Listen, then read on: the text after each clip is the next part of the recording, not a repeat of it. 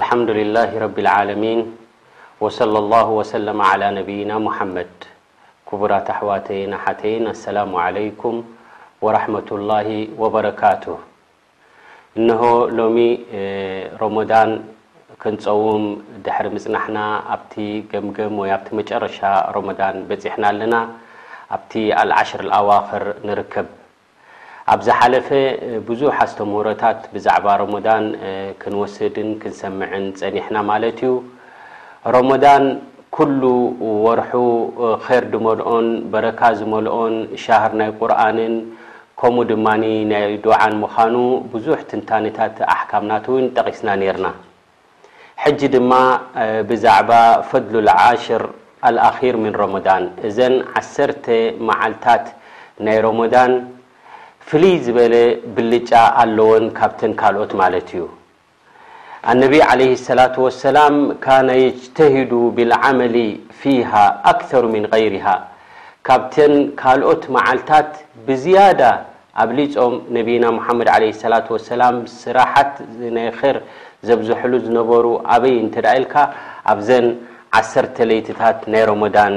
መጨረሻ ዘለዋ ማለት እዩ። ስትና ዓኢሻ ረዲየላሁ ዓንሃ እንታይ ትብል ኣነ ነቢይ ሰለላሁ ዓለይሂ ወሰለም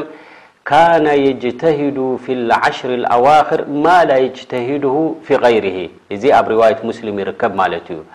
ኣبزن عس ليتታت ي رمدان ዝسرحو زنبر أعمال كمسلت د كم قراءة القرآن كم خيرت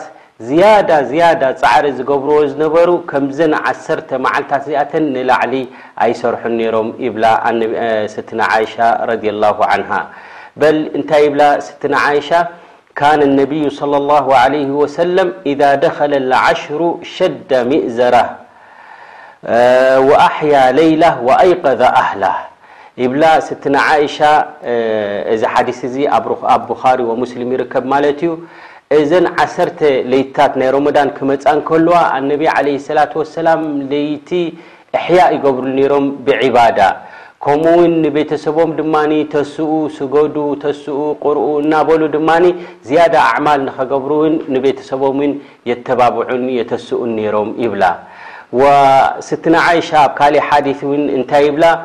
ካነ ነብዩ ሰለላሁ ዓለይሂ ወሰለም የኽሊጡ ልዕሽሪን ቢሰላትን ወነውም እተን ዕስራ ናይ ሮሞዳን ፈለማ ዘለዋ ኣነቢ ዓለይሂ ሰላቱ ወሰላም ይሰግዱ ይድቅሱ ይሰግዱ ከምዚ ነይሮም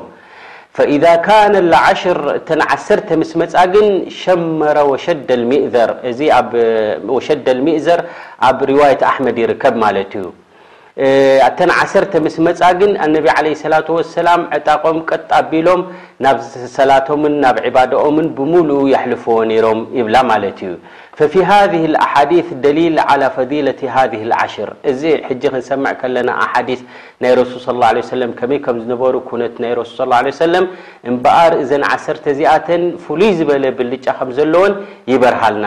ሊኣነ ነብየ ሰለላሁ ዓለይሂ ወሰለም ካነ የጅተሂዱ ፊሂ ኣክሰር ሚማ የጅተሂዱሁ ፊ ገይሪሂ ካብተን ኣብ ካልኦት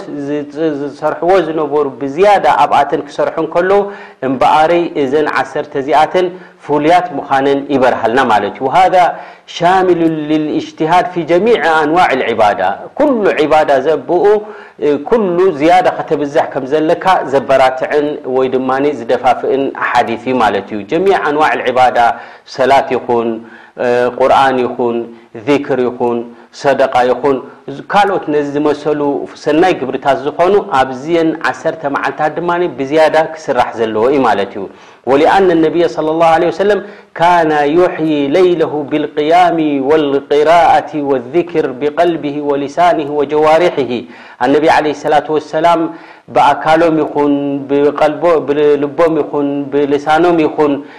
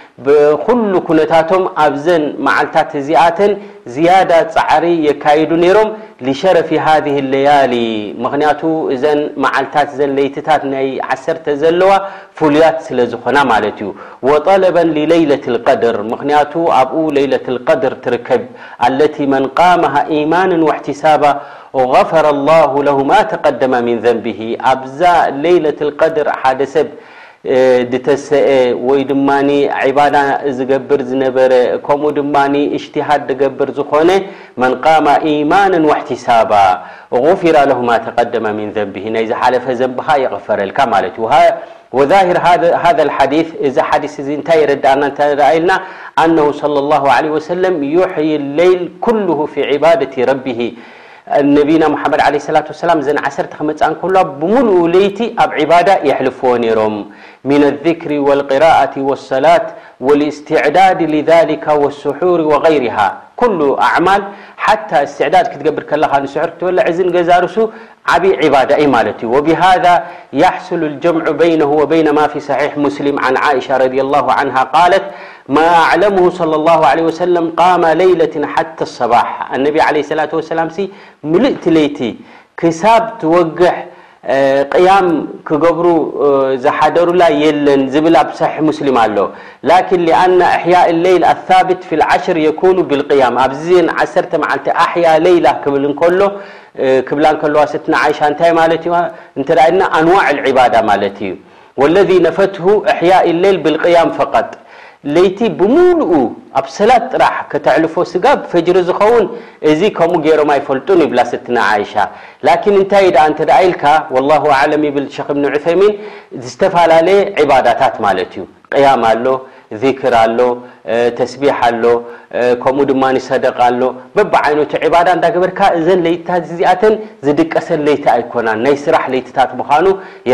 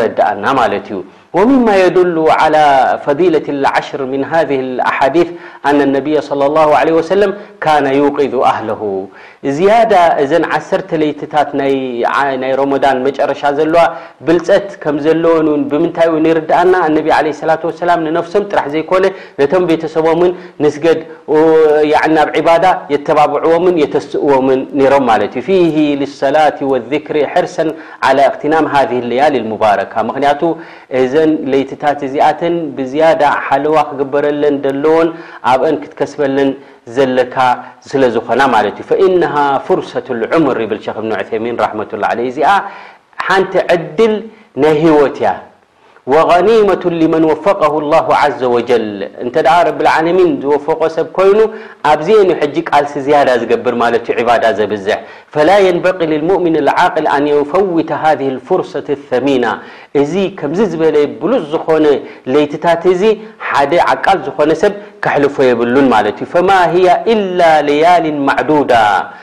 እዚኣን መዓልታት እዚኣተን ውሑዳት እየን። ኣያም ማዕዱዳት ኢሉ ረቢ ስብሓነሁ ወተዓላ ውሑዳት ያዕኒ ምናልባሽ እውን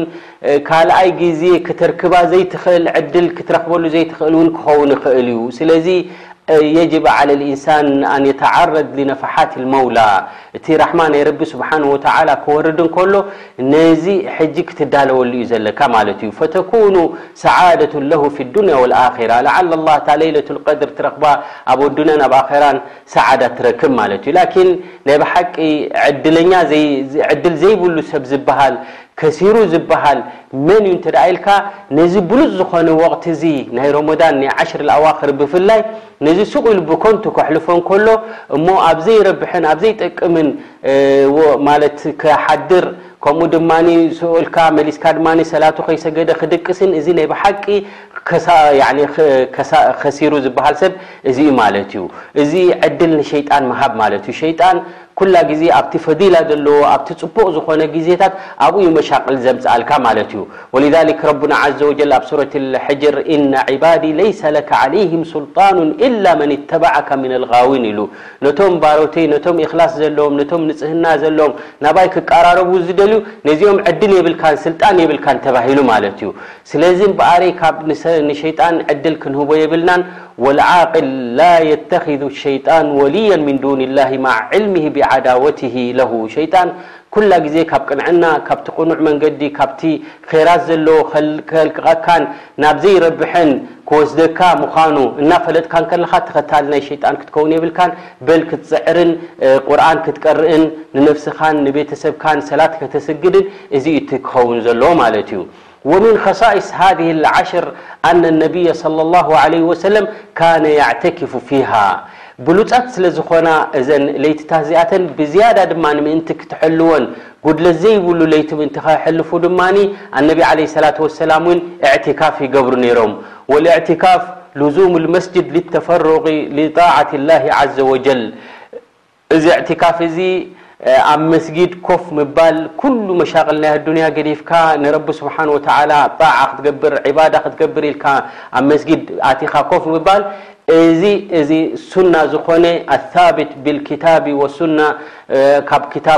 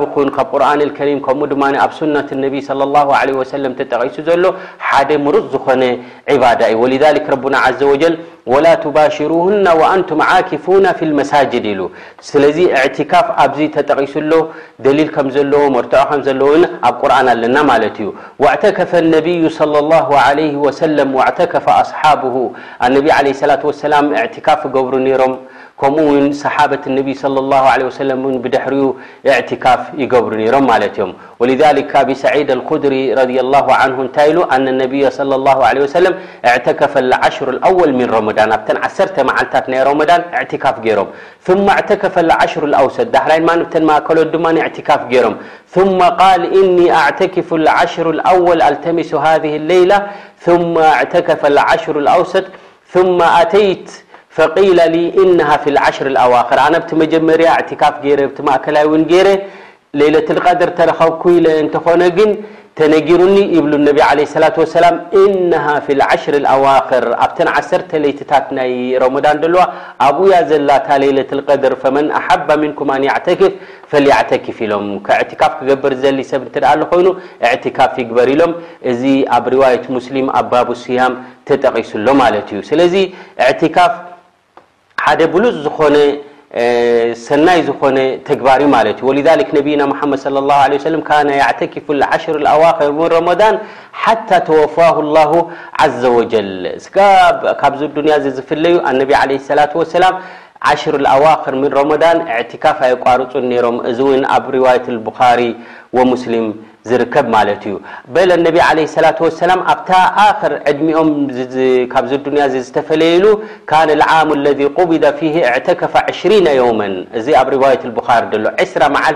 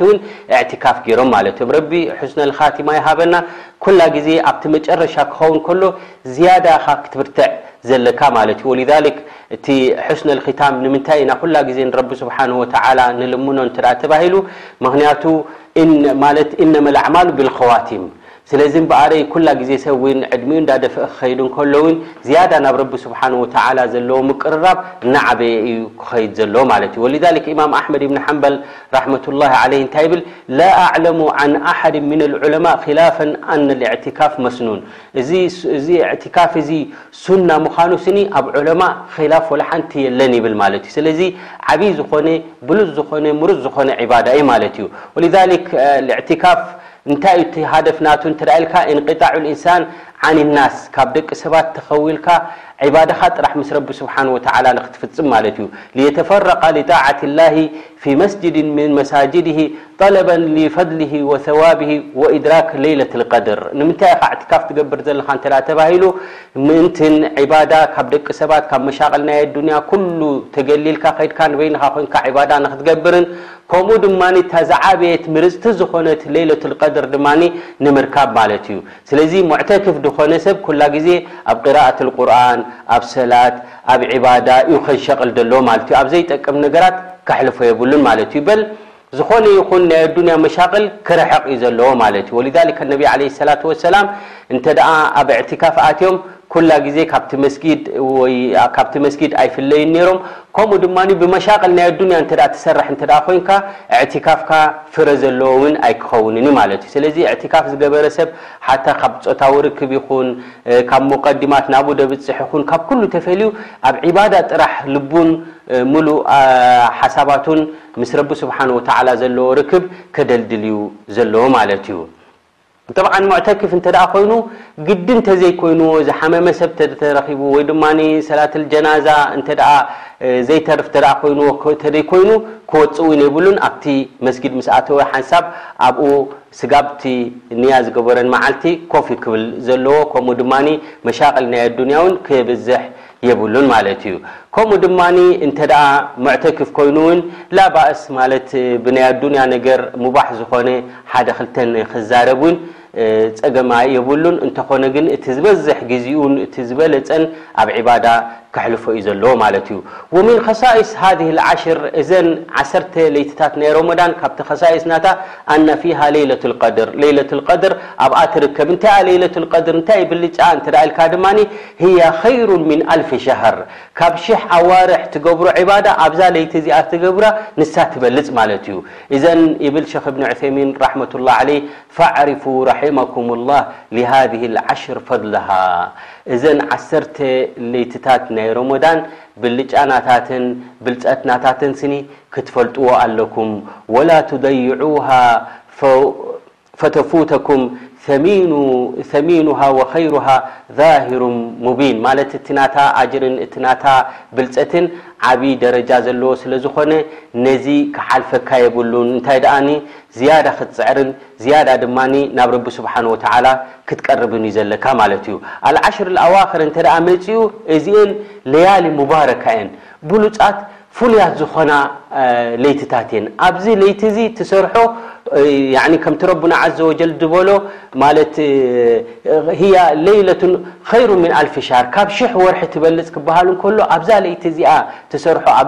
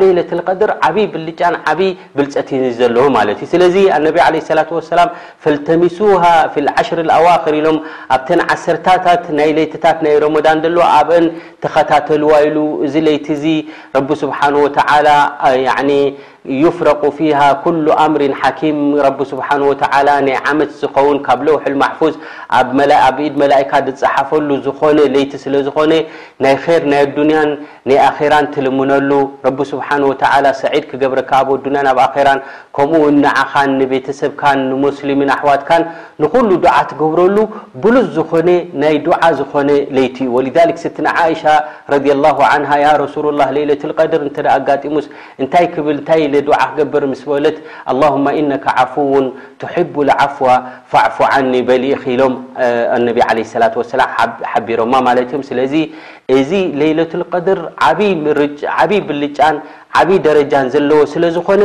ነዚ ቃልሲ ከነካይድን ከምኡ ድማ ፃዕሪ ክንገብርን ይግበኣና ማለት እዩ። እዛ ለይለትል ቀድር ወይ ድማ ኣብዚ ዓሽርል ኣዋኽር ክሳብ ኣብቲ ወጋሕታ ዘሎ ግዜ ምቅላስን ዒባዳ ምብዛሕን ዚክሩላህ ትገብር፣ ትሰግድ፣ ሓንሳብ ተዕርፍ ከምኡ ድማ ተስቢሕ ትገብር፣